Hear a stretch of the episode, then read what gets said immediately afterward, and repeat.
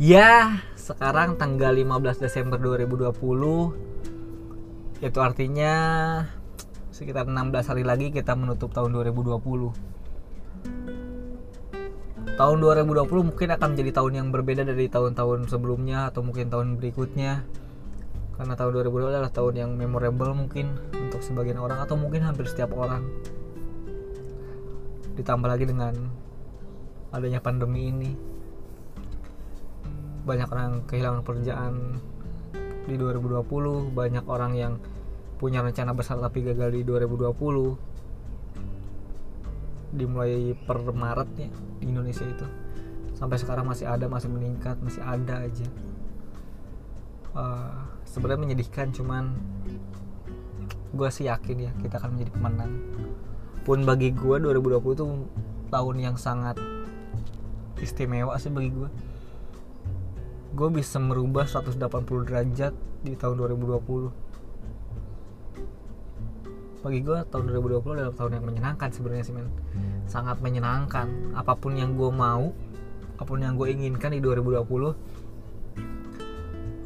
kemampuan gue bisa melebihinya. Makanya eh, sisa satu lagi target hidup gue nih yang gue akan tepatin di akhir tahun. Gue sih udah gak sabar ya gue itu ingin menjadi pemenang bukan cuma bisa bertahan di 2020 gue masih bisa hidup tahun 2020 nggak kena covid aja gue udah bersyukur. Gue nggak kayak gitu men.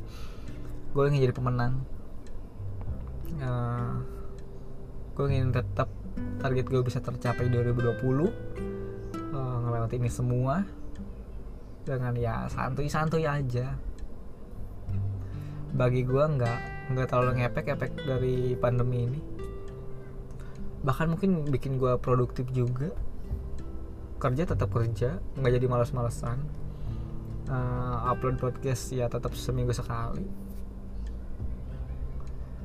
Merubah hidup iya jelas. 2019, 18, 17, 16, 15 gua hidup gua seperti apa? Dan sekarang 2020 bisa menjadi seperti ini. Sangat menyenangkan aslinya. Ah seminggu lagi juga Squid Santuy Podcast tepat setahun seinget gue gue pertama upload itu tanggal 24 Desember. Itu ketika gue ngomong sama si Agis ngobrol gue bukan ngobrol sih. Gue dengerin cerita dia tentang kebegoannya merjuangin cewek terus episode ke berapa ya? tanggal 1 Desember dia cerita lagi sama gue cuman gue naikin di podcast itu tapi enggak gue share linknya karena emang audionya jelek. Uh, minggu depan udah setahun berarti tepat setahun. Cuma beda hari doang beda tanggal. Berarti nanti di minggu depan itu tanggal 22 gue pertama kali upload itu tanggal 24 it's amazing bagi gue gue bisa sepersisten ini sekonsisten ini. Ini ah sebuah kebanggaan tersendiri bagi gue ingin ngadain giveaway cuman kan siapa gua gitu. Nggak ada uh, budget untuk lebih ngasih untuk giveaway. Nggak ada. Gua hanya ingin lo dengerin gua itu bukan karena gua akan ngasih hadiah cuma karena emang lo mau dengerin gua. Gitu doang sih. Udah dengerin juga terima kasih banyak. Uh, lu juga salah satu alasan kenapa gue masih harus upload setiap minggu. Karena mungkin ada yang nunggu apalagi yang mau diomongin si Bobby itu penting enggaknya. Kadang-kadang cuma ada orang cuma mau dengerin doang ketika gue ngomong meskipun ngomong apa cuman kayak orang yang lagi kesepian orang yang lagi gabut itu. Kayak orang yang gak punya teman kadang-kadang dengerin podcast siapa pun bukan cuma gue kadang ngerasa ada temennya gitu. Dan itu efeknya sangat banyak juga sebenarnya. Ngerasa punya temen ngerasa nggak kesepian ya. Itu yang akan gue lakuin nggak tahu sampai kapan. Selagi gue masih menyenangkan bikin podcast akan gue lakuin. Pun orientasi gue bukan uang ya. Gue bikin podcast tahun ini juga nggak dapat uang. Sama sekali sepeser pun enggak. Nggak ada yang ngebayar. Bahagia nggak ada orang yang gue ada bayar juga untuk jadi narasumber gue karena emang orientasi gue bukan uang. Gue justru malah takut ketika orientasi gue malah uang. Gue takut rasa kesenangan untuk bikin podcast itu bakal berubah kepada uang itu tujuannya uang. Gue nggak mau itu yang terjadi. Gue itu cuma ingin ngeluarin keresahan gue doang dengan yang ada di pikiran gue bisa berbagi cerita pengalaman sama kalian pun ketika sebenarnya kadang-kadang gue juga bingung mau ngebahas apa kayak sekarang juga sebenarnya gue bingung mau ngebahas apa. Tapi gue bingung mau ngebahas apa tapi sekarang udah 5 menit lebih. Aneh sih. Kadang-kadang gue cuma bikin mind map doang kan mind map mind mapping gitu. Terus itu pun cuma garis besarnya gue itu nggak bisa uh, ngomong yang baca gitu. Gue nggak bisa baca orangnya. Kalau baca malah terbata-bata kadang-kadang ya ngalir aja gitu. Garis besarnya gue tulis terus isinya dalamnya. Kadang-kadang yang di gue gue keluarin aja. Kayak minggu ini juga gue nggak ngerasa ada keresahan yang berarti dalam hidup gue kadang-kadang gue juga ketika nggak ada keresahan gue nyari-nyari sendiri dalam pikiran gue apa ya yang gue resahin gitu ya? Kadang-kadang kan gue ketika gue ketemu hal-hal yang unik hal-hal yang lucu hal yang uh, meresahkan gue tuh catat di catatan HP gue di notes gitu. Nanti untuk jadi materi podcast gitu, yang akan gue keluarin sisa nyari eh materi isinya sisanya gue nyari. Ah minggu ini juga nggak ada yang berarti banget sih kecuali gue mau mati kemarin nih. Yeah, literally gue mau mati. Uh, jadi uh, malam minggu itu ke kemarin gue gabut sama temen gue ya, gue mau dari Cikarang, yuk kita main aja ke Subang gitu. Main berangkas jam 11 malam di tol masih di Cikampek kayaknya. Gue tuh bawa mobil di kecepatan 120 ke atas kalau salah. Gue di jalur cepat nih jalur ketiga jalur kanan. Di depan gue emang jauh sih ada truk dua. Dia bukan bukan bukan samping-sampingan truknya tapi depan belakang itu dua. Tiba-tiba truk yang belakang ini langsung ngambil ke kanan. Ngambil udah belok ke kanan baru ngesen. Gue yang dari belakangnya. Hampir hampir nubruk tuh itu. Gila. Untung gue nggak panik. Gue sebisa mungkin gue nggak panik gue nggak nggak langsung ngebanting setir. Cuma ban doang turun ke aspal sedikit udah gue naik lagi. Nah, kebetulan truk itu langsung ngebanting ke kiri lagi. Dan emang menurut gue bukan salah gue itu. Itu jalan sepi soalnya jalan sepi. Truk cuma ratusan meter depan gue tiba-tiba langsung ngambil kanan ya gue juga kaget. Ngerem sebisa gue truk itu langsung ke kiri lagi ngebanting lagi. Dan gue selamat. Alhamdulillah. Dan bagi gue uh, berhadapan sama motor itu bukan cuma sekarang doang sering gitu. Dulu juga gue berangkat kerja tiba-tiba mm, rem motor gue belum gue mau nabrak mobil. Truk juga. Sering gue ngalamin kayak gitu. Itu kayak semi-semi jebakan Batman buat Ijroil. Nah sekarang nih kayaknya si Bobby nyawanya gue cabut. Kata gue eh santai dulu. Belum. Belum saatnya cabut. Santai aja santai. Nah sekarang waktunya si Bobby gue cabut nih. Ah belum. Karena kayak gitu. Kayak ngeprank Ijroil aja.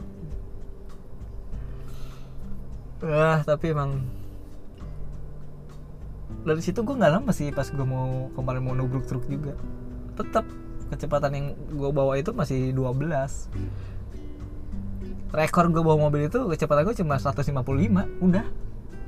Itu pun gue berani dari dari cuma dari Cibubur ke Bogor.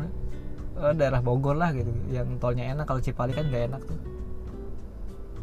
Gitu doang. Pun kalau di Cipali gue cuma berani 12 14 doang. Nggak berani lebih iya berhadapan sama motor sering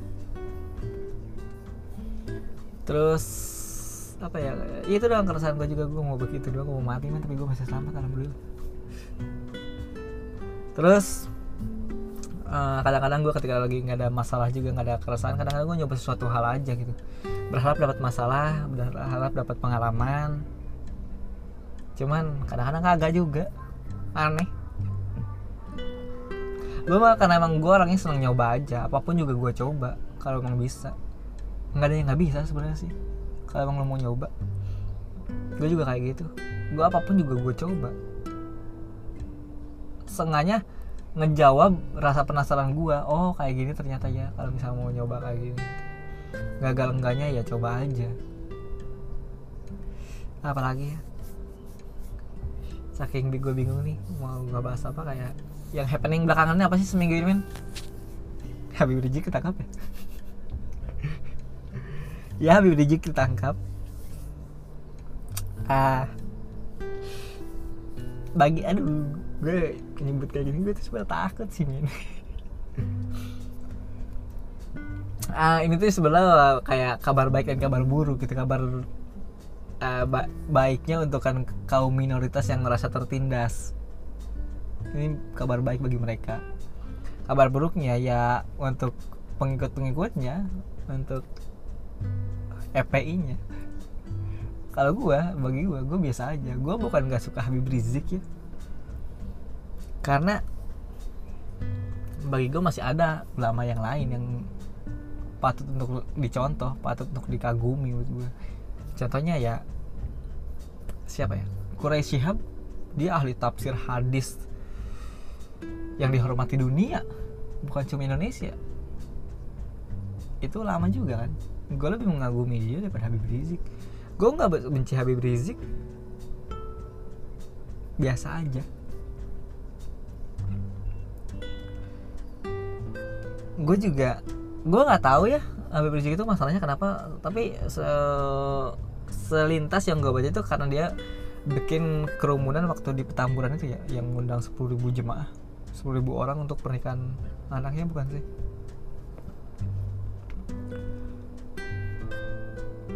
Ya kenapa dia bisa dibilang tersangka? Ya mungkin karena ngumpulin orang sebanyak itu di masa pandemi kayak gini kan? Inget dong 3M gitu. Menjaga mas eh memakai masker terus mencuci tangan gitu ya. Menjaga jarak menghindari kerumunan kayak gitu kan ini kan bikin kan? Mungkin mereka ngerasa corona itu nggak ada ya. Kemarin juga demo yang pas demo kok nggak ada yang kena corona? Masa sekarang mungkin 10 ribu orang ada yang corona gitu? Enggak menurut gua persepsi itu menurut gua salah. Kemarin demo juga karena nggak dites aja habis demo. Coba kalau habis demo dites pasti banyak masih bakal melonjak lagi. Menurut gue ya gue itu orang awam yang nggak ngerti apa-apa sih menurut gue karena yang bikin melonjak itu karena dites. Ketahuannya kalau nggak dites ya nggak bakal ketahuan juga. Coba kemarin yang habis demo dites di swab pasti bakal ketahuan. Mungkin akan meningkat juga. Lagi di petamburan kalau dites pasti bakal ada juga. Yakin gue nggak mungkin enggak. Orang sebanyak itu sepuluh ribu. Kadang-kadang yang jadi pertanyaan udah dari sepuluh ribu orang itu siapa yang datang ya kayaknya itu banyak banget tuh men harus nyalamin orang satu-satu sepuluh ribu orang aja. Sampai kapan beresnya Habib Rizik ditangkap karena dia kan pemimpinnya ya yang menciptakan kerumunan kan dia. Itu kayak semacam hmm, kalau ada orang yang pakai narkoba yang ketangkap itu harusnya bukan pemakainya bukan pemakainya dong tapi gembongnya dong. Tapi uh, bandarnya itu yang cocok. Nah mungkin kayak gitu. Uh, persepsi polisi juga ya. Mungkin gue bilang mungkin bukan bukan bukan gimana ya bukan validasi yang tepat dari gue gue tuh mm, ngasih opini ke lu yang bisa lu cerna kembali. Nah gue udah salah nih. Itu kan kayak gitu bang uh, orang pakai narkoba kan sebenarnya dia juga korban. Pelakunya itu ya bandarnya ini yang edarnya atau ini harus kayak gitu ya. Kata gue juga gue mah biasa aja sama Habib Rizik nggak benci enggak menyukai juga enggak tapi gue punya keresahan terhadap pengikutnya sih. Sangat mengeresahkan bagi gue gue ini bicara heart to heart ya sama kalian. Hati ke hati gitu. Uh, gue juga umat muslim. Meskipun ya gue masih ibadah gue masih jelek sangat jelek. Sholat aja masih bolong-bolong. Tapi seenggaknya gue uh, bisa membedakan mana yang baik mana yang benar. Ya nggak sholat juga bukan hal yang baik sebenarnya cuman uh, gue punya persepsi yang lebih dari itu kayak semacam hmm, gue pernah diajak temen gue ke acara tablik akbar yang penceramahnya juga Habib. Uh, banyak di situ EPI banyak pemuda Islam bersatu gitu yang komunitas-komunitas Islam ormas-ormas Islam yang justru bagi gue sangat meresahkan. Kayak semacam bahkan Habibnya penceramahnya. Itu ini tuh dulu pas masa ah, kampanye pilpres kalau nggak salah. Gue tuh sekali kalinya ikut tablik akbar tuh. Nah masa Habibnya berdoa kayak gitu bukan Habib Rizik ya tapi kan dia dia termasuk EPI juga uh, dia mendo berdoa di acara tabing di acara acara besar kayak gitu. Dia sebagai penceramah masa berdoa ingin uh, Jokowi itu dimusnahkan? Gue mendengarnya kayak masa kayak gini sih? gitu. Hal-hal yang kayaknya gitu daging mereka itu bagi daging orang yang mereka nggak suka itu kayaknya halal bagi mereka untuk dibunuh kayaknya. Nah gue punya keresahan kayak gitu men. Kayaknya apa yang mereka lakukan itu selalu benar. Yang mereka lakukan itu selalu benar mereka itu nggak ada salahnya. Gue nggak ngerti ya kiblat mereka itu nah, seperti apa gitu Islam yang mereka anut itu seperti apa yang bahkan berdoa minta orang dimusnahkan? Setahu gue Rasulullah aja diejek uh, dicaci maki. Dia masih mendoakan hal yang baik. Bahkan Rasulullah diludahin kan? Lu tahu cerita itu kan? Dari sekolah dasar juga lu diceritain hal itu. Udah diludahin tapi masih mendoakan hal yang baik bukan mendoakan yang jelek kok bisa gitu.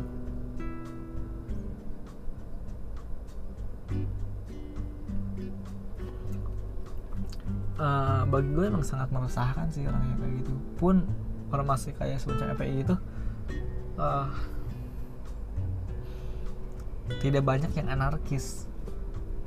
Tidak eh, tidak banyak atau tidak sedikit tidak sedikit yang anarkis menurut gue dari bahasanya aja kasar sangat kasar menurut gue kadang-kadang gue tuh uh, pernah ikut acara tablik itu sekali juga kayak hmm, nggak bakal gue ikut lagi kayak gitu. Bukan karena gue bukan. Umat muslim yang yang tidak apa ya tidak nurut sama ajaran agama gitu tapi kan nggak kayak gini harusnya gitu mereka itu kayak semacam mentuhankan ciptaannya gitu kayak mentuhankan Habib Rizik yang yang dia katakan kayaknya benar gitu. Cuman kan uh, jangan ditelan bulat-bulat juga. Gue tahu dia itu anut uh, mungkin apa ya bisa bilang idola lu mungkin uh, apa sih kayak panutan lu tapi kan nggak harus dituhankan juga gitu. Gue gue ngerasa sih atau mungkin gue yang salah mungkin gue yang salah nih kayak lu itu kalian tuh mentuhankan Habib Rizik kayak seolah-olah yang dia ucapan itu selalu benar. Di apa pun yang ada berita jelek tentang dia lu pasti bakal tidak percaya itu iya kan?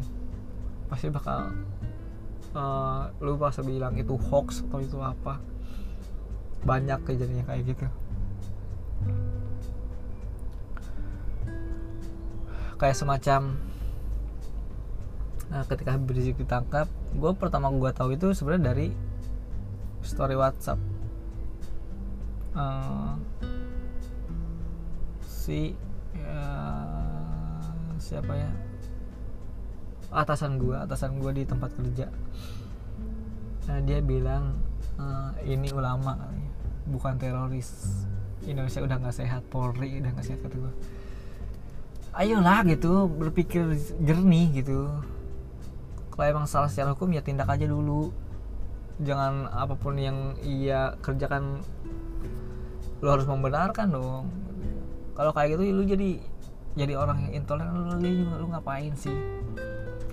Kayaknya lu itu menganggap perbedaan yang beda dari lu tuh kayaknya lu salah gitu bagi lu ya. Lu apa pun siapa pun atau hal apa pun yang berbeda sama kalian itu pasti kalian menganggapnya salah padahal mah Indonesia itu bisa seindah ini juga karena beragam bukan karena seragam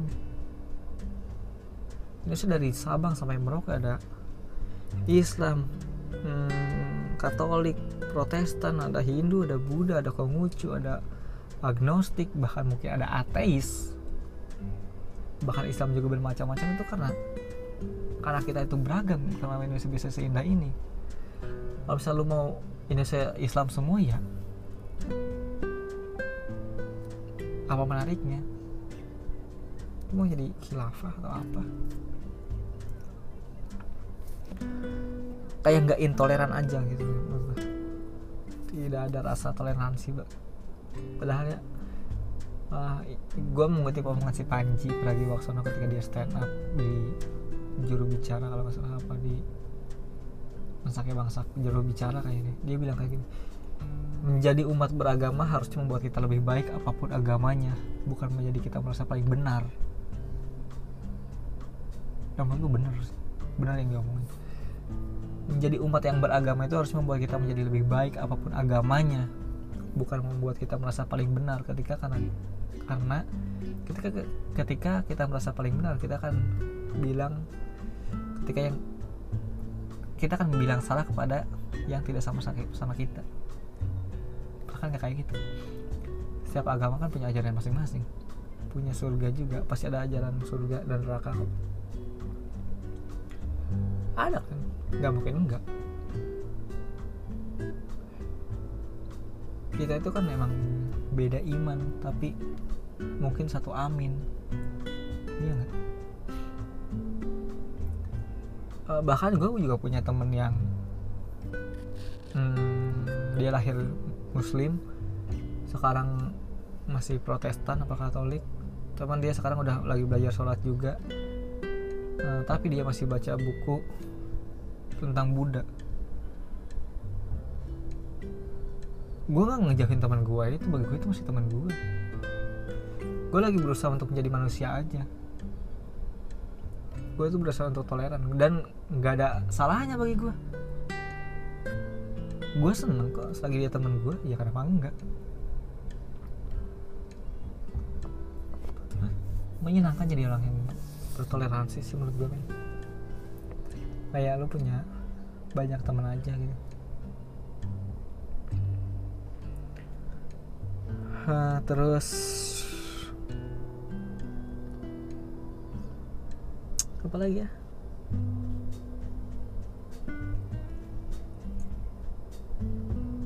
sekali lagi ya kalau misalnya emang omongan gue ini tidak mengenakan bagi kalian yang mungkin kalian merasa tersinggung gue mohon maaf. Cuma ini kerasan gue kalau emang lo nggak suka sama pendapat gue sama opini gue yuk kita mari duduk. Kita sambil ngopi kita diskusi. Hmm, kasih tahu gue kenapa kalian sangat uh, mengagung-agungkan ulama kalian itu Habib Rizik hmm, gue cuma ingin dengar gitu. Gue nggak akan ngebantah. Itu hak kalian untuk kalian suka dia.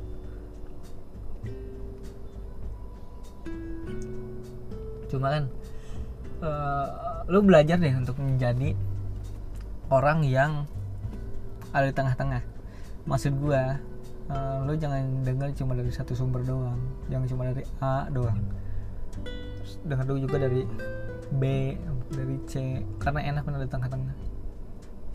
Gue juga pernah bilang di podcast episode yang keberapa gitu kita Indonesia itu kan negara kepulauan ya. Untuk kita bersatu itu harusnya kita bikin jembatan bukan bikin tembok. Nah nggak banyak orang yang mau jadi jembatan untuk kita bersatu. Orang yang mau bikin tembok itu banyak. Makanya kenapa kita sulit untuk bersatu. Belajarlah untuk uh, baca dari berbagai sumber jangan cuma dari satu sumber doang. Jangan langsung mengiyakan ketika lu cuma dengan dari satu sumber doang atau dari satu orang. Lu baca juga berita dari sisi yang lain lagi. Yang lain lagi. Karena bisa jadi ketika dari satu sumber doang itu cuma hoax doang. Lu jangan cuma ada di gelembung bias yang ketika lu menyukai A apa pun yang A katakan akan lu benarkan. Dan yang B katakan pasti menurut A itu salah menurut lu itu salah. Belajar keluar dari gelembung bias itu. Belajar mendengarkan dari dua sisi. Menyenangkan. Gue ada di posisi itu sebenarnya. Gue ketika orang yang benci apa pun gitu suka apa pun gue dengerin. Enak kan oh dia tuh maunya seperti ini ya. Oh ternyata si ini tuh maksudnya kayak gini ya. Kadang-kadang kan banyak kesalahpahaman juga yang nggak bisa di benar dibenarkan kalau misalnya cuma kalau misalnya